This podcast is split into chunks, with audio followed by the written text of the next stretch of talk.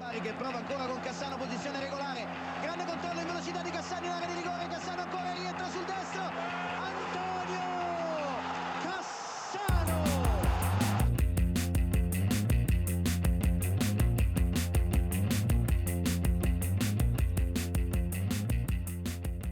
Þetta er ítalska boltans nær og fjær það er komið að yfirferð helgarnir með leikina í seria A við erum aðeins fyrir á ferðin en vannulega en það er erfitt að setja á sig sérstaklega eftir þessa stóru helgi og lögudaginn í ítalska boltanum. Það er ég Þorgir Slóasson og Átni sem eru mættir hérna í höfustöðar ítalska boltans á Suðlandsbrutinni og í betni frá kaupin er það Björn Már Ólafsson. Verið sælir piltar?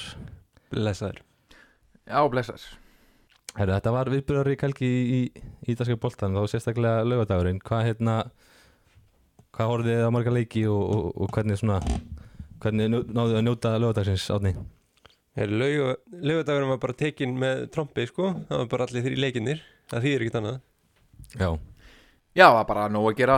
Það var, uh, já, allir þessi þrýr leikir hérna voru frekar komsættir á, á, á lögadeginum og svo voru svona leikirnir á sunnundeginum fóru ekki efins vel fyrir fyrir mína menn, þannig að hérna það var meiri gleði á lögadeginum allan og bara góðu leikir sem við fengum það líka. Eða svona spennandi á, á sitt kvot háttinn svolítið, fannst mér við munum svolítið gera þetta í vetur taka þættu upp á sunnudegi þótt að það sé umferð á mánudegi, þetta kannski hefur svolítið að gera með uh, Evrópakeppnina hjá Leonum í deildinni. Og svona bara að því tilefni að langa með aðeins að spyrja ykkur strákar út í ítalsku legin sem að er í mistardeildinni uh, hvað, hvaða lið hérna eru líklega að komast upp á reyðlunum við erum með hérna til dæmis Napoli í reyðli A, þeir eru móti Ajax, Liverpool og Rangers. Átni, hvað gefur þeim mikla möguleika? Úf, ég held að það sé nú svona meiri en minni líkur og þeir fara upp úr þessum reyðli með, náttúrulega það er eiginlega gefið að Liverpool fara upp úr reyðlinum og síðan þá fylgir Napoli væntalega þeim upp úr mögulega verður bara átt á milli Ajax en þeir hafa mist mikið og ég held að ég held að Napoli hafi það En þú Björn, hvað, hvað heldur þú með Napoli? Heldur þú þeirri sensinn? Já, ég held þessi bara jafnvel frekar bjartsinni sko. Leifbúrn alltaf líklegast en þeir eru heldur hafa heldur ekkit byrjað tíðanbilið eða einhverju, einhverju trombi þannig að þeir eru ekkit að fara að mæta fulli sjálfströst í, til Napoli. Ég, held að þessi fara að mætast bara í Napoli núna í, eh, ekki á þriðudaginn eða, miðvikudaginn. Þannig að hérna, þessi riðill er alveg frekar opinn og Ajax alltaf búið að missa hérna, eh, 15 mm til Master United og alla þessa, þessa leikmenn líka. Þannig að hérna, það, það líði þetta að vera líka svona algjör búið að vera útsalað þar í sumar og hérna, mikla breytingar þannig að þessi riðill er galopinn og ég, mér veist Napoli eiga bara ágætis líkur að komast upp úr þessu riðli. Já, mikil blóttaka það, sérstaklega þessir 15 mm Ég veist ekki hvort þau voru að tala um hann að varnamæðinin sem fór yfir eða, eða þjálfvaran og dauðarriðlinn er síðan riðl sé það sem að yngri menn eru hérna, með Bayern, Barcelona og, og Pilsen, Victoria Pilsen.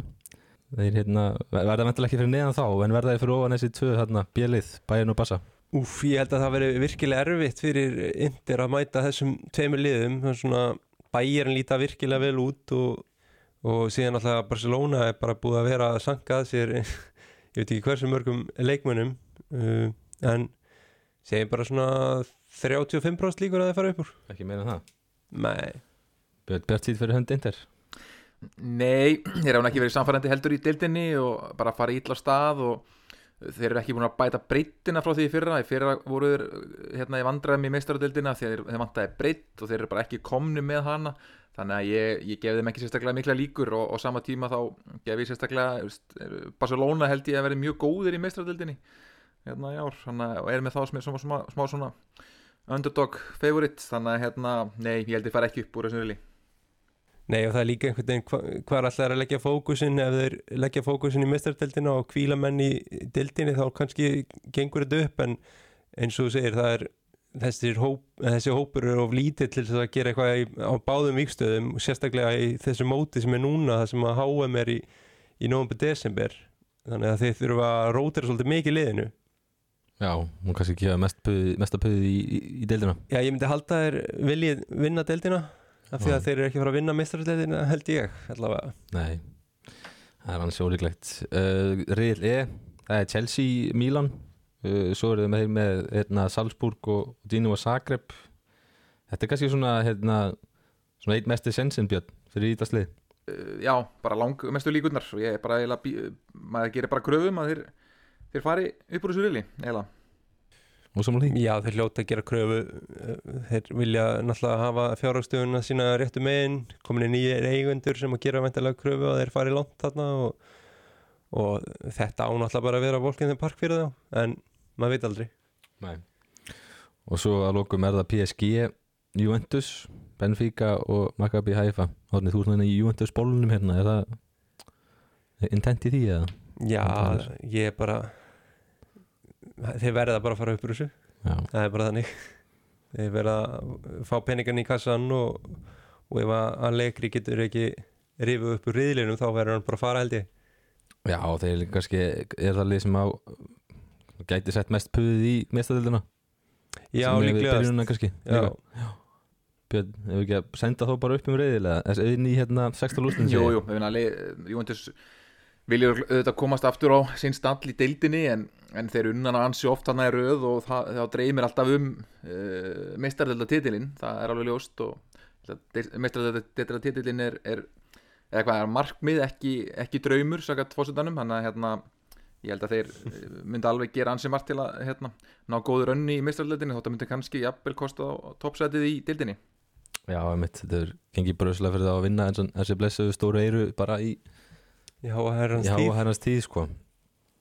En hérna, svo náttúrulega eru ítalsku lið sem eru í, í Europa League og, og Conference League en það er kannski svona meira fórsættri yfir þau að, að komast áfram og vinna sína reyla Jú, ég held að þeir ætti að gera það sérstaklega í conference að liðin sem að eru er þar inni að já, hvað Fiorentina er þar og þeir hljóta að gera kröfu á að fara upp úr riðlunum sínum. Þannig að Já, hann hefur getið svona að sé með við séum bara tölu af þessum, af þessum hérna sjöliðum hvað myndir við svona bara giskut í lofti segja að vera mörglið frá árum Uh, ég ætla bara að segja sex lið. Já. ég held að einmitt mögulega Inter klikki. Það getur alltaf liðið í hinnum deildunum klikkað. Róma eða eða Napoli getur klikkað þannig að ég held að sex lið komist upp úr reyðlinum Getur þú bóðið betur Björn? Ég er fyrir aðeins læra, ég segi, ég, ég segi fimm hérna, dreymir, dreymir um sjö þetta en ég held að svona líklega sé fimm, það, það er eitthvað líð sem frasar hann líka til miður.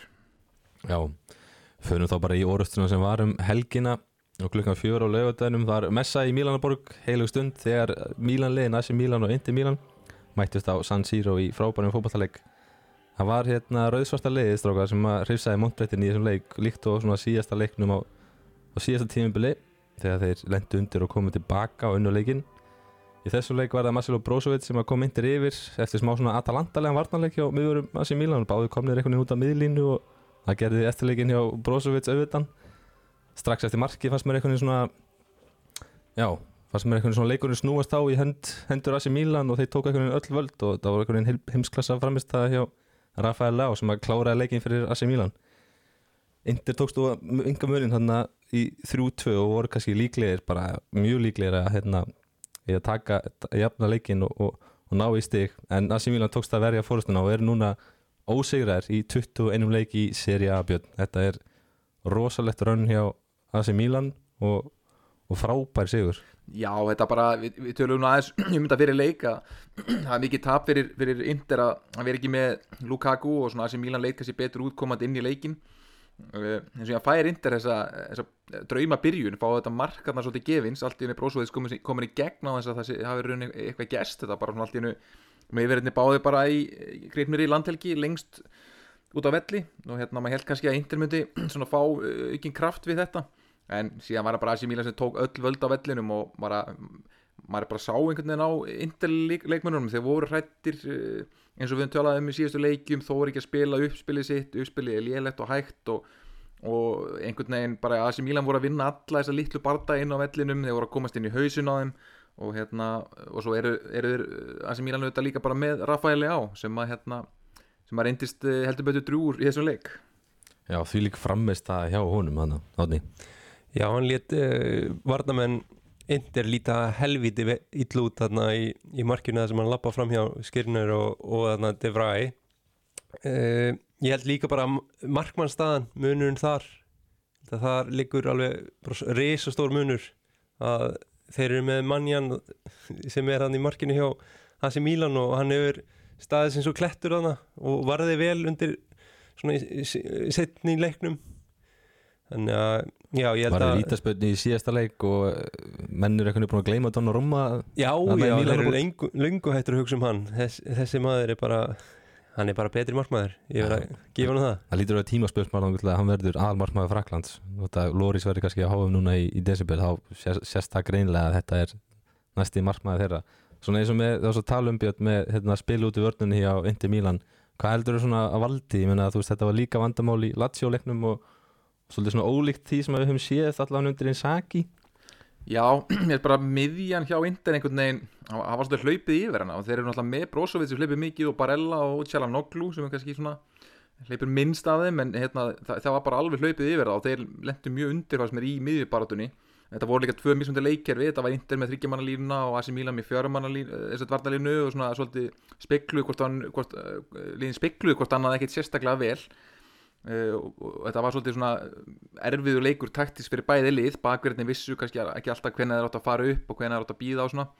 En uh, já, þessi Mílan bara einhvern veginn unnu sér bara inn í leikin og tóku gjössanlega yfir hann og í stórum kapla hana í fyrirháleik og svo í setni háleik þangað til Edin Seko kemur inn á þá er bara er AC Mílan sem að ræður öllu inn á vellinum og er að fá færi.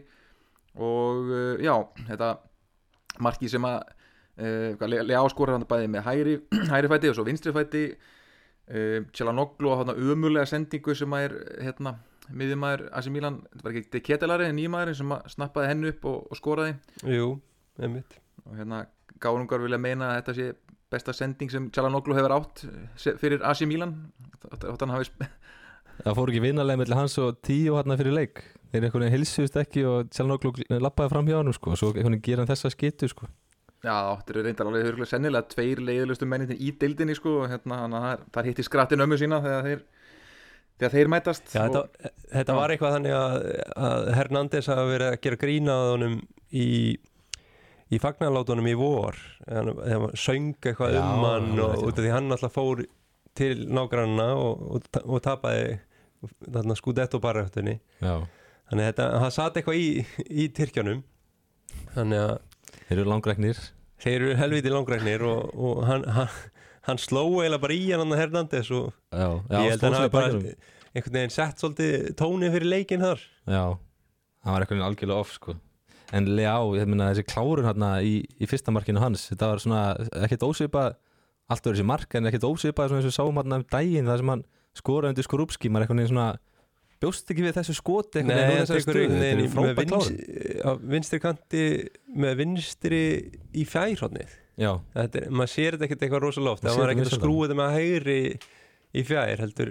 Tók hann innanfótar í, já, fjær markmanns hotnið eitthvað veginn Svona, já, þetta var sk- og menn er að tala um að, að, að, að Handanovic, hann sé svo markmaður í dildinni sem er með sem sagt, lægst XG á sig versus hvað hann er að hleypin mörgum mörgum hann er búin með XG á sig upp á eitthvað 5 og hann er búin að fá á sig 8 mörg og þótt að mörgin sem hann er að fá á sig er eitthvað sem einhver, einhverjir hálerar þá er þetta samt bara ekkit sérstaklega sannfærandi. Og hann er oft einhvern veginn svolítið eins og hann reyni ekki við bolta og hann var einhvern veginn ekkit hann, var, hann átti, átti ekkit þessi mörg en, en hann var ekki góður í neinu að þeim. Og hérna já, bara menn setja spurningamerki við það að þú ert með uh, Onana á bekknum nýjumæðurinn sem að hérna er á hörku launum líka og bara af hverju ekki setja hann inn á? Hann kannski, jú, gerir einhver einu og einn mistök inn á mellinu, menn heilt yfir mun hann sennilega vera betri shotstopper heldur en hann Danovic hefur verið í þessum leikum mm já, það kemur ekkert óvart að hann detti inn í liði bara í, í næstu eða þar næstu umferð. Á miður hvernig hann hefur verið hann er líka bara ekki með aðdáðandu með sér menn eru búin að höra drull yfir hann á samfélagsmiðlum Handanovic og, og ég held að það væri bara best fyrir Inzaghi að skipta honum út. Já, Inzaghi var aftur svolítið svoandi með skiptingarna í leiknum, skipti seint og skipti eftir Asi Milan þegar þeir skoruðu þriðamarkið, ég meina þetta er hérna svolítið í takt við það sem hefur verið að gerast þannig og, og þótt að margir að kannski búist við að Asi Milan myndi vinna leikin fyrirfram þá hérna var munurinn á tímum bara í leiknum bara mjög mikill. Já, og hérna stuðnismenn AC Milan létu líka uh, Simone Inzaghi heldur betur heyra þeir sungu ídraga á leiknum hérna Pippo Inzaghi er engabann sem er, er eitthvað að skotið á Simone Inzaghi og frekar fyndið við mér. En hérna, hann, hann, fekk að heyra það og bara hann er í, eru gláðar upp frekar valtur í sessi. Eins og ég sagði sér þetta ég veit svo sem ekki hvað er að gera í staðin en, en, hérna, en hann hlýtur að vera orðin svolítið valdur Já, við tölum um breytin áðan hjá, hjá þeim. Ég meina, er þetta að setja eitthvað spurningamerki með, með hópin hjá Inter. Þetta er mikið af bakvörðum, mikið af framherjum.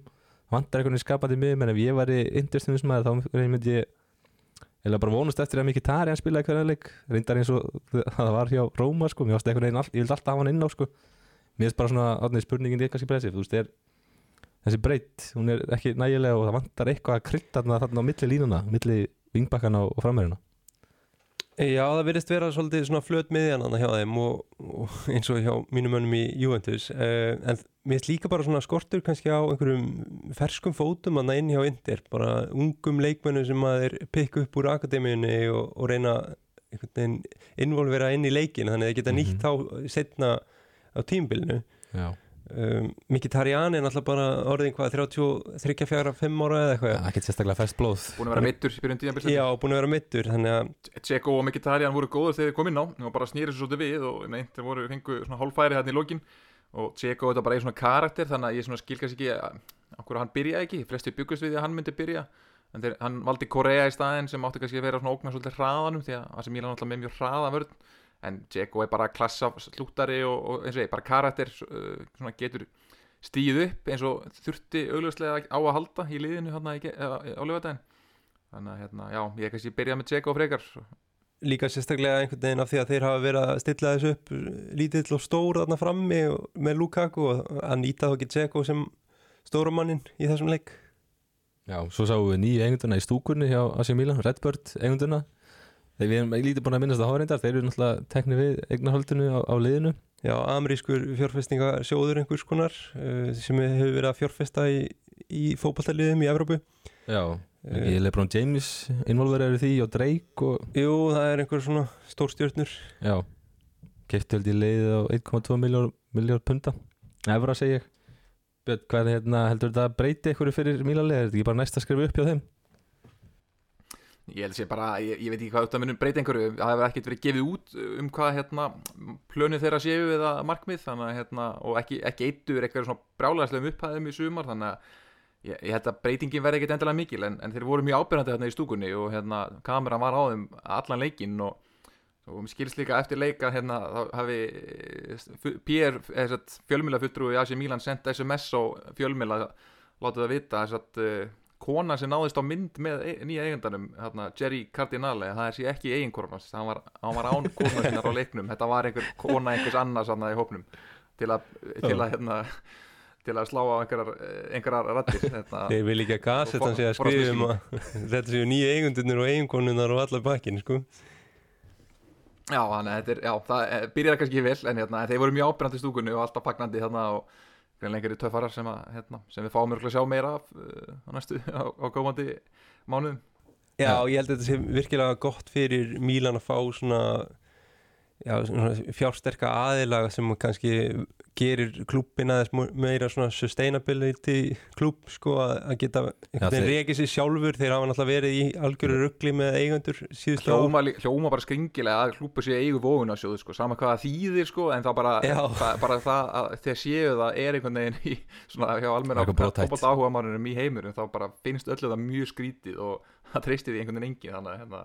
Já, bara fínt að þessi komið á hendur einhvers, allan einhvers svona meira svona áþrývanlegra Já, Maldini einhvern veginn þarna sem direktor á fútbol og hefur verið umturna rekstrinum alveg bara Það að lækka launakostnaðin en samt heldur áfram að vinna eða, eða byrjar að vinna réttar að sagt.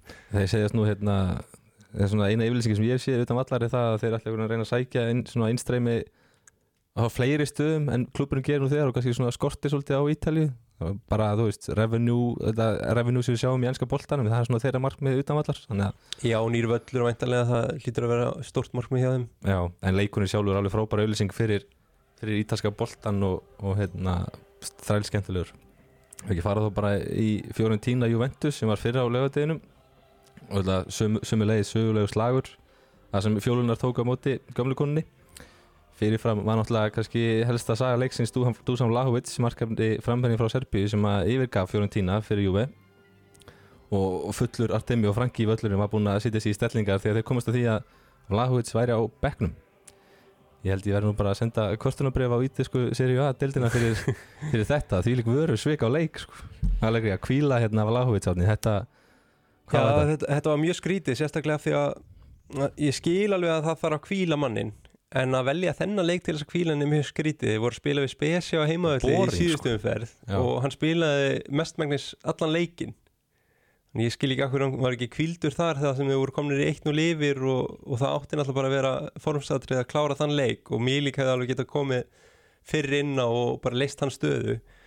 Uh, ég veit ekki hvort þetta hafi verið eitthvað komið í hausinn á Vlahovits ég held ekki sko, ég held að þetta sé svona maður sem að vill einmitt spila þessa leiki þannig að að leikri, þetta var eitthvað skrítið upplegg hjá honum, ég held að hann hafi verið sáttu við jafnteflið, Já, virtist vera hana já þannig að, Þetta er spurning hvort að Fiorentína stundismyndir hafi verið með eitthvað undirbúið tífó sem að þið kannski fengi ekki að nota fyrst að Vlahovits spilaði ekki hérna, Já, hann mætti- hann mætti síðast til, til Flórens þá hérna, voruð með hérna, Dante myndina og það sem textið það sem stóð eitthvað, það er sérstakur ringur uh, í víti sem er tilengaður svikurum og hérna þannig að þeir tók, tók hann að segja sig harkarlega þar þannig að það er spurning hvort þeir hafi verið með eitthvað svona mósaðeg dæmi sem, sem þeir bara byðu með í vasanum og náðu aldrei að eh, hérna, þurfti aldrei að eitthvað vítisringurinn Já. já, já. En það er bara leiðileg rök samt, ég veit að það er leikur um út í París í miðri viku, það er bara leiðileg rök að þurfa að segja eitthvað, já, það er að kvíla þennan leik, ég menna, þetta er, þetta er stór leikur í bæði lið, sko, og hefði bara verið geðveik saga að hafa hann inn á, sko. já, ég hefði bara líka viljað sjá hann að koma inn á uh, kemur ekkert inn á. Allt í lagi að hann byrji ekki en hann kemur ekki inn á. Líka Lík bara- svaraði kallinu og skoraði mark. Já, heldur betur, hann, skríti mark. Skoraði eiginlega einhvern veginn með maganum eða, eða fyrir, fyrir neðan belti eða eitthvað svona. Já, og byrjaði að tikka inn mörgum því. já, byrjar að tekja inn, hann komið tvö mörk þannig að ég held að þetta hefur bara verið fín viðski, uh, viðskipt að fá hann inn. Já, uh, annars fannst mér leikurinn eh, svona fremur leðilur svona mikið mikil barótta á vellinum og, og Paraetis nýju leikmaðurinn kemur beintinn í liðið sem að mér fannst bara ekki vera tilbúinn. Hann var ekki í takti við leikin hann missir þarna gúmi inn fyrir sig já, í, í skyndisókn fær á sig víti þegar hann handleikur boltan í víttegnum braut ítla af sér þannig einu sinni eða tvisvar og var bara ekki alveg það er orðið helvið erfitt að koma inn á þessa miðju, hann að Juventus, það bara, Já, þetta var bara svona skrítið. Þetta segir mér kannski hvernig staðan hefur verið þannig á miðinu fyrst að hann dettur bara beintin í byrjunlið já hann var Mhm. greiði Ma- gerður ma- með þessu sko. Nei, bara alls ekki. Hann, hann heitlaði mig allavega ekki í þessum leik. Ég, ég ætla að gefa hann um nokkra leiki. Nei, eins og að segja, þá jöfnuðu Fiorentína þarna eftir skyndisókn og Kristján Kouame skoraði markið hjá, hjá Fiorentína strákur sem er svona, mér fundist eiga mikið inni í deildinni og þetta hefur ekki alveg gengið upp hjá hann, sko, hann var svona segur í þessum leikárni. Já, hann bara sk- skoraði fínt mark setið hann spurningamerki við Perínu markinu, hann skýtur hann á hann kemur hraði upplip hægra megin og, og skýtur á nærhotni þegar að maður var í honum sem til þess að blokka sko fjærhotni þannig ég skil Ekki alveg. Nei, þetta var bara lélegt eða svona, þetta var fín afgræsla hjá honum en bara lélegt hjá Perín að taka þetta ekki hann, Já, hann þarna einhvern veginn bara náði að hvað endurgjalda mistökin með því að verja vítaspinnuna þarna frá Jóvits setni í leiknum. En stuðnismenn Fiorentína hafa verið að kalla eftir því að fá þennan leikmann inn í liðið. Mm og þá sérstaklega fyrir hvað íkóni sem að Björn, þú hefur ekki heillast af? Nei, mitt, þessi Kwame er skemmtilegur sko. hann er svona, svona álíkinda tól um hann, hann fyrir nokkrum árum, þú veist, þegar hann kom upp þá, þá var hann okkur tímabili ég man ekki hvort það var eftir heilt tímabili þar sem að hann var sko, sá leikmaður í deildinni sem var með flest návi í unnin sem er svolítið sérstætt fyrir svona einhvern mjóan svona slánalegan, einhvern svona framherja eða svona einhvern trikk, trikki kantmann típu sko. þannig að hann er svona, eh, svona næri einhvern veginn alltaf boltarum með sér og er svona já, svolítið svona ólíkinda tól og, og bara hefur klálega eitthvað en svona eh, bara eitthvað skort markaskorun held ég í gerum tíðina og, og state crossbund einhver tíman og svona, svona eitthvað smá eitthvað sem hefur aftur ánum en hann bara er í er að góðum stað og í góðum höndum hann að ég vona að hann bara veri sláið gegn hann hjá, hjá Fiorentína Já, mér minnir að hann kom inn í deildina þegar Rafa Leá var að koma inn í deildina líka og þeir voru eitthvað svona svipaðir reyfingum, svipaðir raðir og einmitt. og svona svipaðir típar leikmann á vinstri kantinum þetta er svona að fara í sikkur áttinni hjá þeim sko. en hérna Jóvits sem klúra vítunu fyrir um leikmaður Real Madrid sem kom til náttúrulega Fiorentina í sumar hann er ekki beint að finna fætunar hérna í, Flórens ég meina hann var ekki í takt við spilið ekkert fyrir fyrir daginn og var eitthvað aldrei mættur inn í teig í þessu krossa sem átt að koma sér inn í. Þetta var, þetta var ekki að ganga upp hann hjá Fiorentina fyrir hann. Nei, ég bara kemur mikið óvart sko og sérstaklega mitt af því að eins og ég hef törnast á gerum tíðina, bara framherjarnir hjá Vincenzo Italiano skora alltaf bara hafa alltaf gert, skora mikið, eru mikið í færum og líka í uppspili virkir og svona, þannig að mjög skýr hlutverk en hann er einhvern veginn bara alveg tindur fyrir sem er í uppspilinu. Hann er bara hverki í boltanum og mjög langt á milli þessar góðu mómenta sem maður sér frá honum, maður hefur séð þetta eitt og eitt slútin í teig en þú veist, þegar boltin dettur einhvern veginn fyrir hann en mér finnst hann ekki vera að skapa sér mikið og ég er svona, já, ég er smá ávíkjur af því að hann sé ekki að spila betur og það, það er, er alveg komið að því að það sé hægt að fara að réttlata það að, að starta einhverjum öðrum og jafnvel aðeins kannski reyna að byggja hann upp aftur því að það virðist líka vera sem að sjálfstöðstu sé svona pínu, pínu farið Já, bæðið leið svolítið að underperforma kannski í byrjun tímbilsátni í Juventus í 5. sæti með, eða í 7. sæti fyrirgjöf með, með tvö sigra og þrjú jættefli sjömur skoru og dö hérna, fengið ná sig hvað, svona, hvað gefur þið fyrir þessa Þetta er svona Juventus byrjun á tímbilinu þeir eh, gamla konin er lengi í gang oft Já. Eh, þeir eru eiginlega alltaf betri eftir áramót Juventus þannig að ég held að þetta sé svona bara bara svona sæmileg byrjun fyrir þá. Ég held að þeir sé alveg lúmst sáttir við þetta. Það, er, það eru búin að vera þarna já ágætlega erfiði leikir en bara klúðrið var gegn Sampdoria. Þessi fjóna tína leikur er, er leikur sem að jafntefni kannski ekkit verst úslit í heimi fyrir uh, langt tímbil eins og þetta. Þannig að ég held að ég held samt að leikri þurfu að fá stuðningin bara fara á stuðnismönnum af því að það er eins og þeir séu orðin svolítið þreyttir á þessum fókbalta sem hann spilar. Þetta er ekkit rosalega skemmtilegt að horfa á þetta eins og staðin er í dag. Uh, en það kannski batnar þegar að uh, leikmenni svo Pogba og, og fleiri koma inn í þetta. Mm -hmm. og Bonucci hefur náttúrulega ekki kannski verið hann búin að vera eitthvað mittur og það vantar svolítið hjart og sál í þetta. Suður-amerísk varnalína hérna á Já. lögadaginn Nákvæmlega.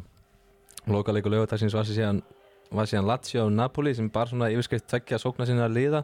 Sarri á móti sínum gamla liði og, og Spalletti með sína sveina. En svona framan af leiknum kannski þá fannst mér hann svona full lokaður með við svona fyrri slægi þessara liða og lítið bara framhörjónum á sem menn og Immobile þá sérstaklega í fyrri háleik það var Mattias Akanni sem kom Lazio yfir á 8. mínútu og þá held ég einhvern veginn að Napoli myndi svara strax en en við ættum aðeins að byggja eftir að, að lókum unniði leikinn 2-1 og, og kvara átni minnir aftur á sig.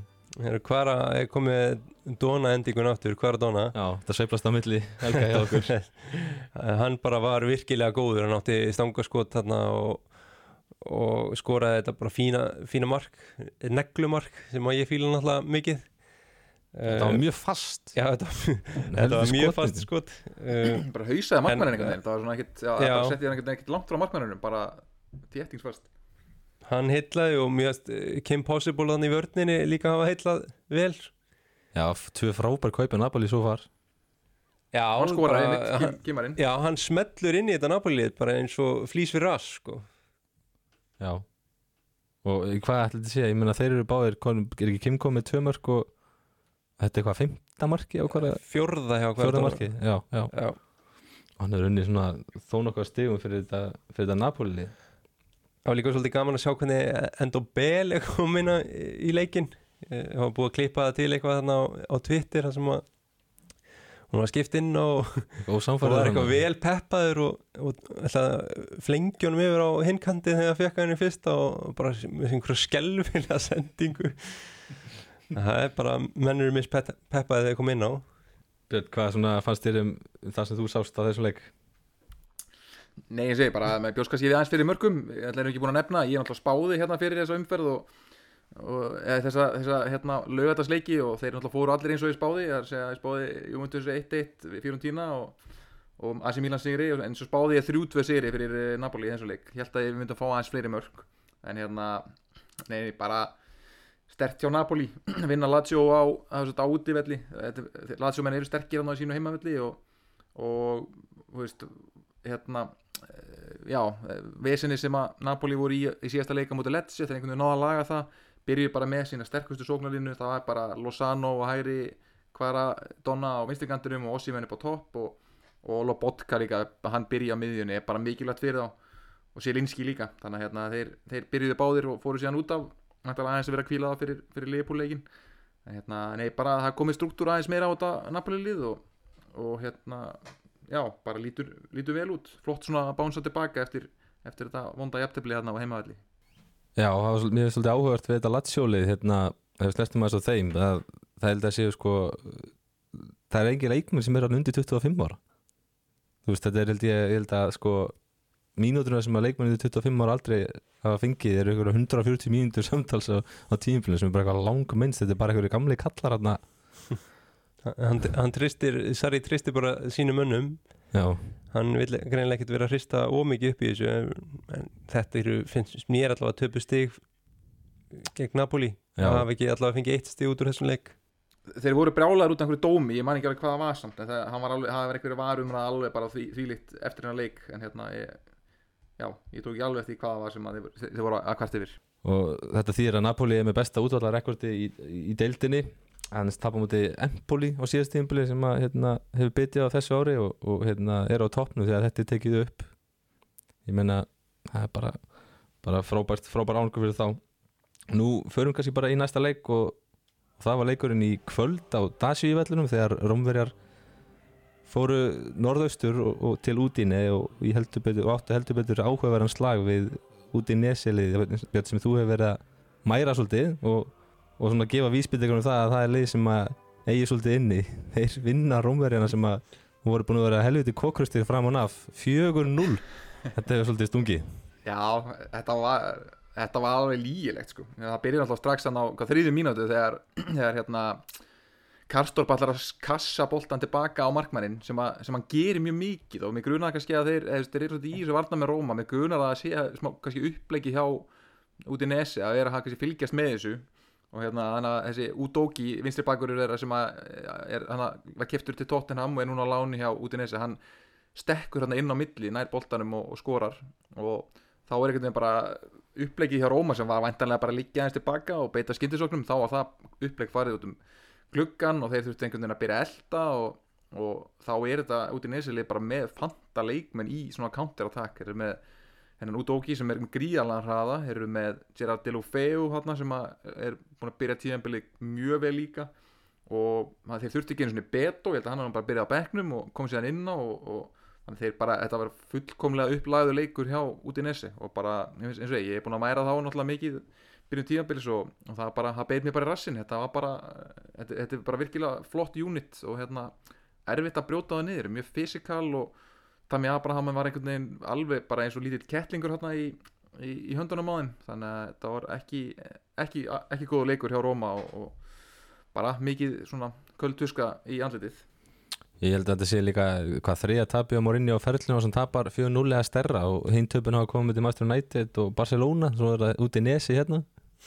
Það er þriða sa, hann sagði svo eftir leika hann, hann fílaði að tapa frekar 4-0 heldur en 1-0 Já, þurftu auðvitað að segja það já, fólk tú- túlka það eins og það vil sko. Já, ekki nema að tapi 1-0 í næstum fyrir þá, þá hefði hann örgulega viljað 1-0 og 1-0 já, Já, en þessi Odogi hérna hjá út í Nesi hann er algjör demotur sem tóttirinn er að fá næsta tímabili.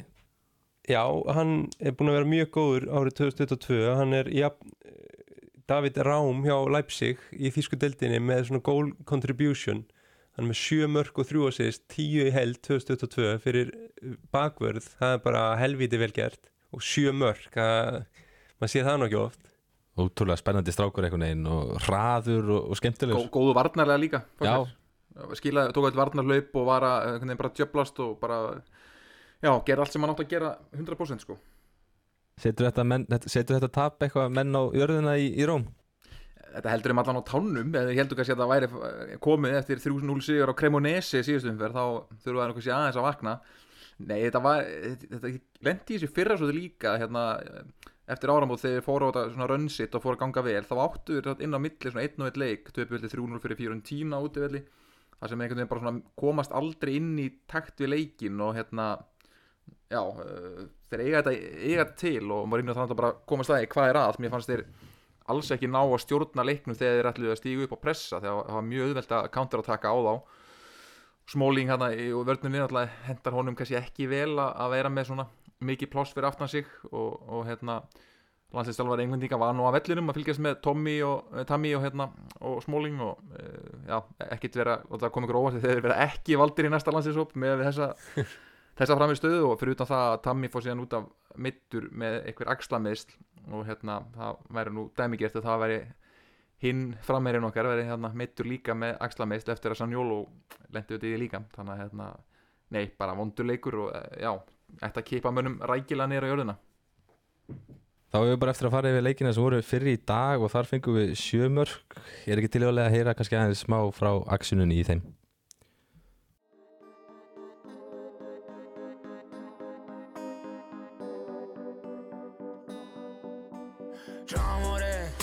Caputo still going. Caputo! That is sensational! What a strike! Francesco Caputo illuminates the Marcantonio Bentegodi with a wonderful goal. Alla cross towards Henri. Who else? Now Lasagna gets the contact. Doig! Josh Doig's first Serie A goal. And Verona, who five minutes ago were trailing 1-0, will now go into half-time leading 2-1. Sognati come gli altri Una volta è It's nicely for Bastoni, pulls the trigger, and Spezia are back on level terms. Arnautovic is clean through once again. It's Marco Arnautovic for Bologna. You know the rest. Well, individually, Marco Arnautovic is now the standalone top scorer in Serie A.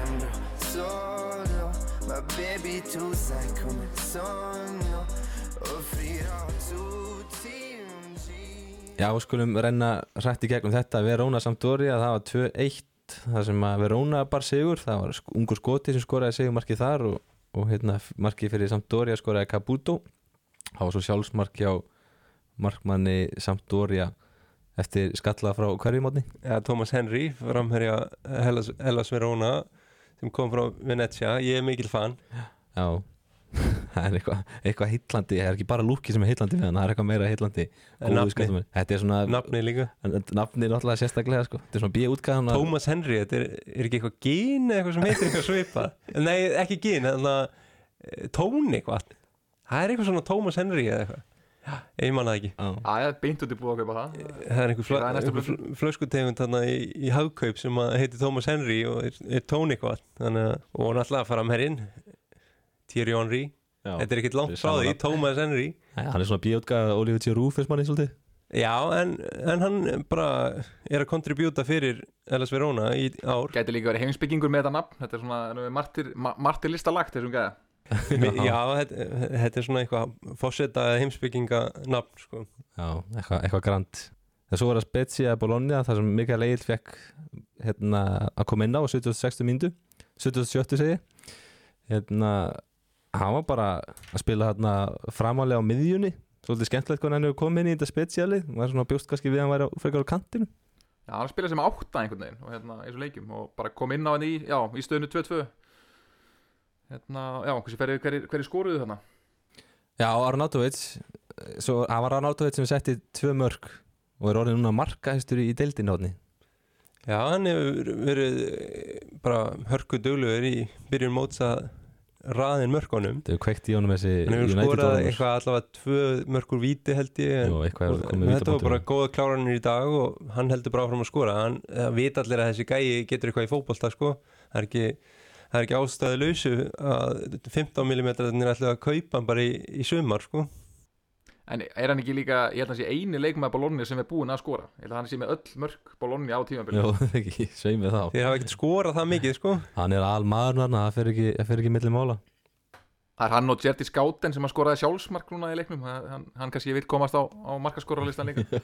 Já, nokkulega Já, mér finnst líka svolítið gaman að það var einhver svona suðræn stemming þarna í, í, í, á spesiavellinum Já, menn voru bara í ermáli sem bólum og Já, það var bara meira það, menn allavega stuðnismenn Bologna, þeim var heldur heitt í stúkunni, það voru eiginlega allir byrjur ofan.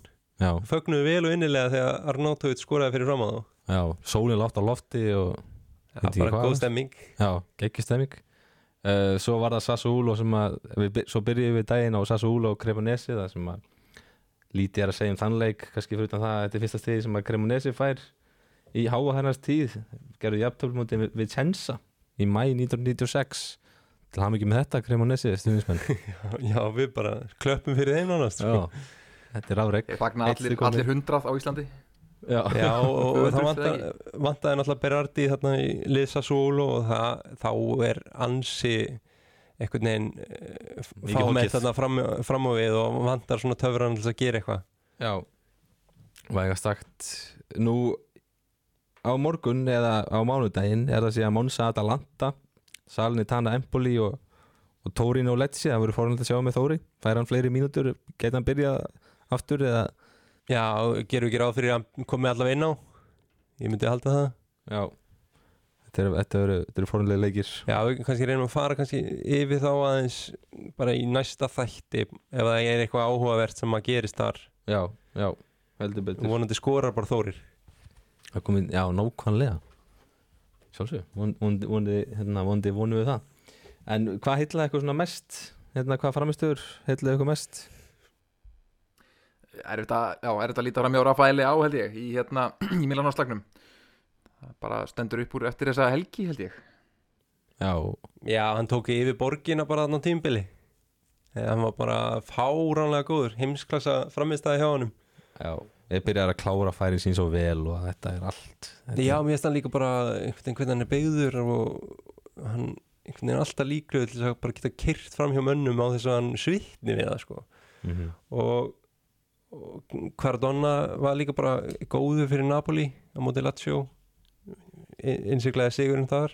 Já, þetta er svona helst það það eru svona helstu framistöðun en sem leikmaður umferðinar er Leá klárlega maðurinn En hvað var það framistöður í, í seríu B? Þá hérna skulum við kannski aðeins renna við það það var stóru leikur þar Parma Genoa Björn. Það sem Albert tvökul spjöld og sendur á velli. Já, hann var bara allt í öllu þarna í þessu leik sko. Hann, hérna, hann, á, uh, hann á assist þarna í leiknum. Og, allan er, og er bara að taka þátt í öllu mörgum liðsins sko. Og það sem ég sá á highlightsunum þá var hann mikið í mynd og mikið í boltanum og hann fær annað gula þarna í lokin fyrir að stöðva skyndisókn eða þannig að mati dómar hans að stöðva einhvern leikmann sem var á sprett, fullum spretti og tóka eitthvað í hann og þannig að hann var komið veg fyrir hérna e, skyndisókn, þetta voru miklar eh, dramatískar loka mínútur hérna, Parma jafnar á 89. mínútu og mikill hiti hérna eftir það.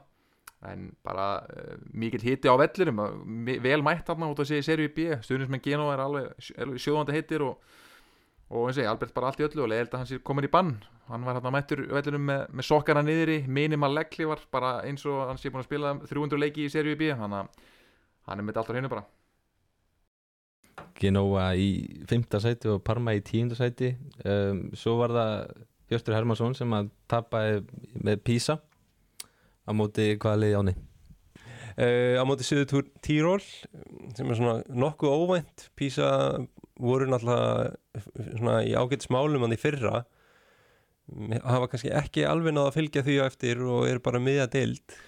Smá móli með Suður Tíról eh, mjög auðvitað farfetst en allt það en hérna Suður Tíról er satt nýlegar í seríu B eru frá Suður Tíról auðvitað hérna og komist upp í fyrra úr seríu C með því að vinna reyðli sinn og þeir fengu á sig sjö mörk held ég í 30 eitthvað leikjum. Það er bara, ég hef aldrei séð lið fá á sig jafn fá mörk á bara á heilu tímabili með yfir 30 leikjum. Þetta verður eitthvað algjör þvælu framist að varnarlega. Já. og þjálfarið er þess að í fyrra hann tók við í Venezia, verið að þjálfa ísninga liðið í Venezia núna. En, hérna, en er reyndar ekkert að sína neitt sérstaklega góðan varnarleik þar þannig að Nei, hann á eftir að fínpúsa það greinlega já, það verður skellt í lás þarna fljótlega sko. Já, og talandi um Venezia þá töpuðu þeir 2-0 á móti Benevento þar sem að engin Íslendingur var hvorki í byrjanleginu nýja á bekknum en svona til þess að ljúka þessu strákar þá langar mig aðeins að taka smá leik með ykkur og hérna setja saman draft úr bestu leikmönnum deildarinnar þar sem við myndum bara velja stöðu fyrir stöðu sjá bara hvað ykkar hugur liggur í þessu og, og þið ætlaði að reyna að vinna seríun af með þessu með þessu liði ykkar ef við myndum fara bara svona og byrja kannski bara, hvað er eldri af ykkur? Eða þú ekki eldri Björn Már já, ég held Það er ekki að, leita, ekki að leifa unglabun að byrja drafta, við förum bara í þú myndir fá markmastöðuna og, og, og svo Björn fær hæri bakurinn og kolla kolli.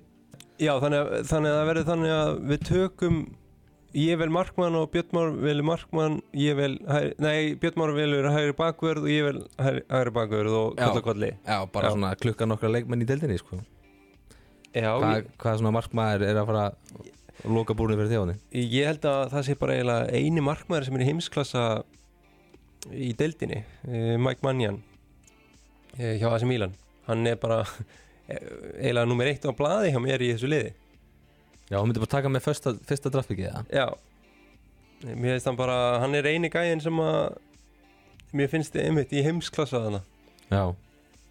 Þetta er svona tilvægilega að gera núna þessa vikuna sem að allir eru að drafta í sín fantasy í NFL þá tökum við svona bandaríska spin-off á, á deildina. Hvað hérna fyrst að átnei tekur mænaðan Björn, hvert svona myndið þú taka með þínu öðru pikki þar? Sko, eh, við, við vorum að ræða þetta náttúrulega áðan og hérna var pælingin hjá okkur, hjá okkur að vera með uh, fimmanna vörð ætlum við ekki að taka svona öðvögt við það sem allir er að gera sem er að drafta í hérna fótballtæliði sem er alltaf með eitthvað svona fimm framherja og svo tróðaði minn einhvern veginn. Ætlum við ekki að vera bara með ítalska Jú, ég, ég er svolítið spennt fyrir því sko.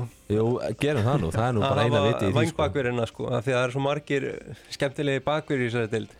Já, Já, í, í, ég myndi þá taka í markmannstöðuna bara Vosik Chesney hérna, umdeldur Split the Waters en hérna bara það sem þegar hann er upp á sitt besta þá finnst mér hann hrikalega góður þannig ég, ég tek hann í liðið mitt.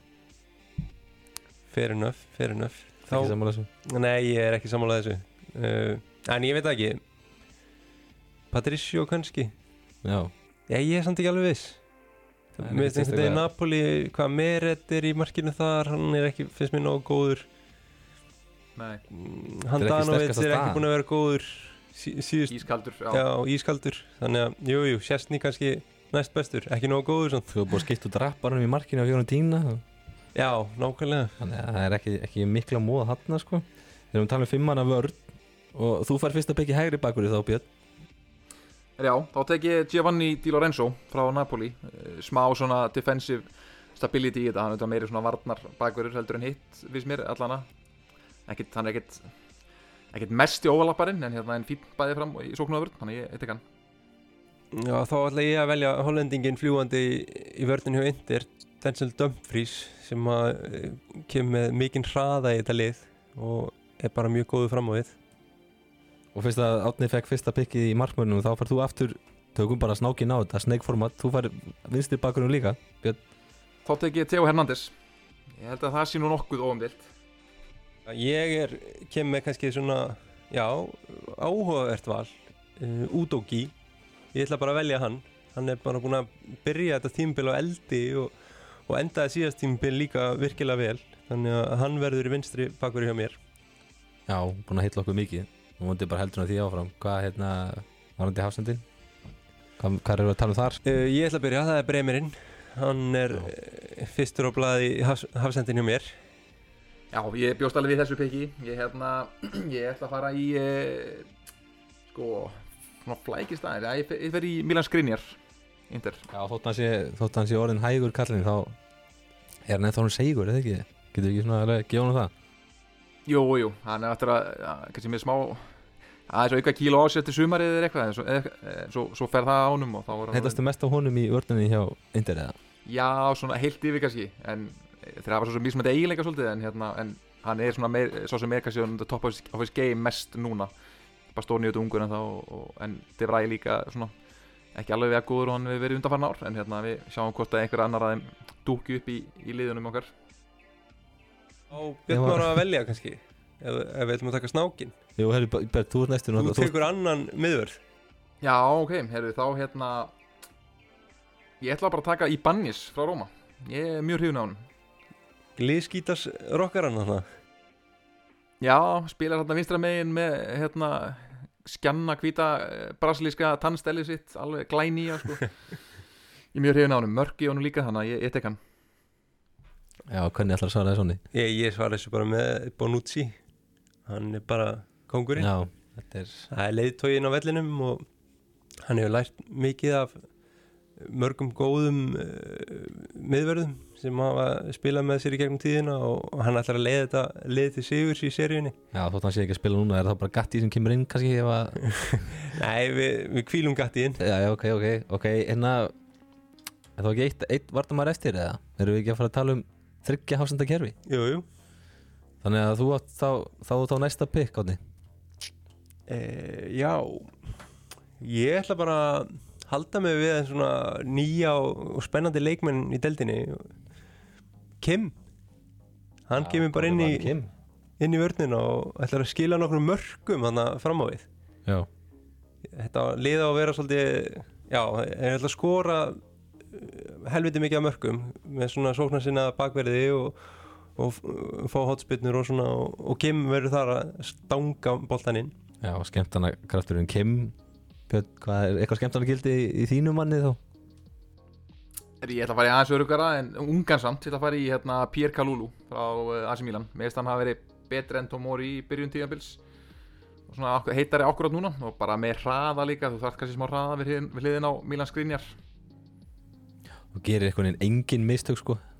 Hann er einhvern veginn er mjög sjálfsið og bara eins og sé búin að vera hann í mörg Já, ár. maður er að býja eftir því alltaf að koma einhver skellur en Nei. kemur ekki vel svona treynaður uh, hásend hvað færum okkur þá bara yfir í miðustöðunar og mér skilst að þú er næsta pikk átni nei Björn, Herri já, ég ætla þá að byrja á því að velja uh, Sandro Tonali AC Milan.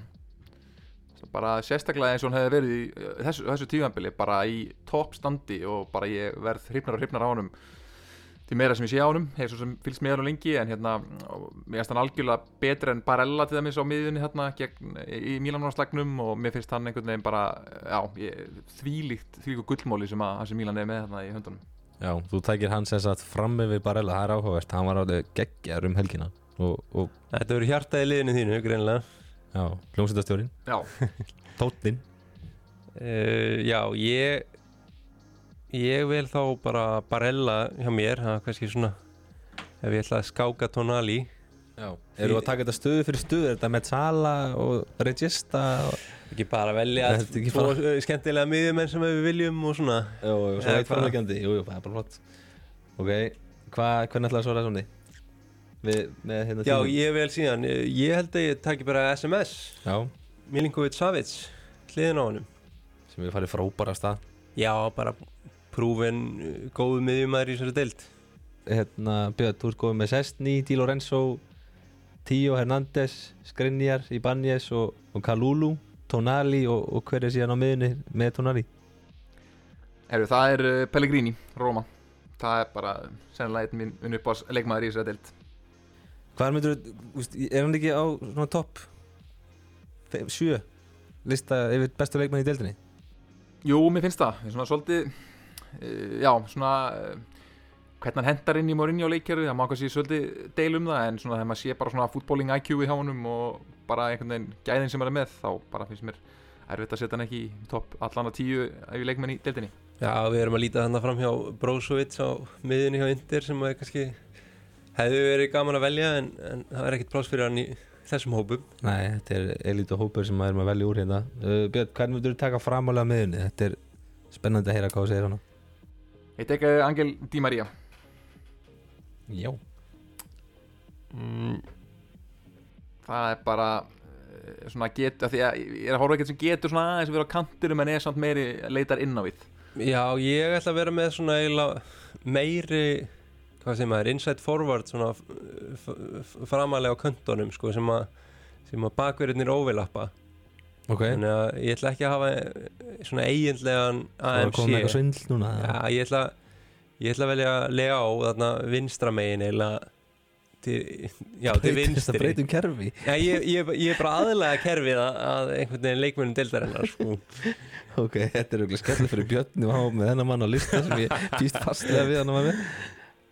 Ok, bara fer, já já. Ég, ég, sko, ég er með Það er tvo svona ég, ég er með tvo menn fyrir fram að miðuna Já. sem leita á, út á kantana eins sko.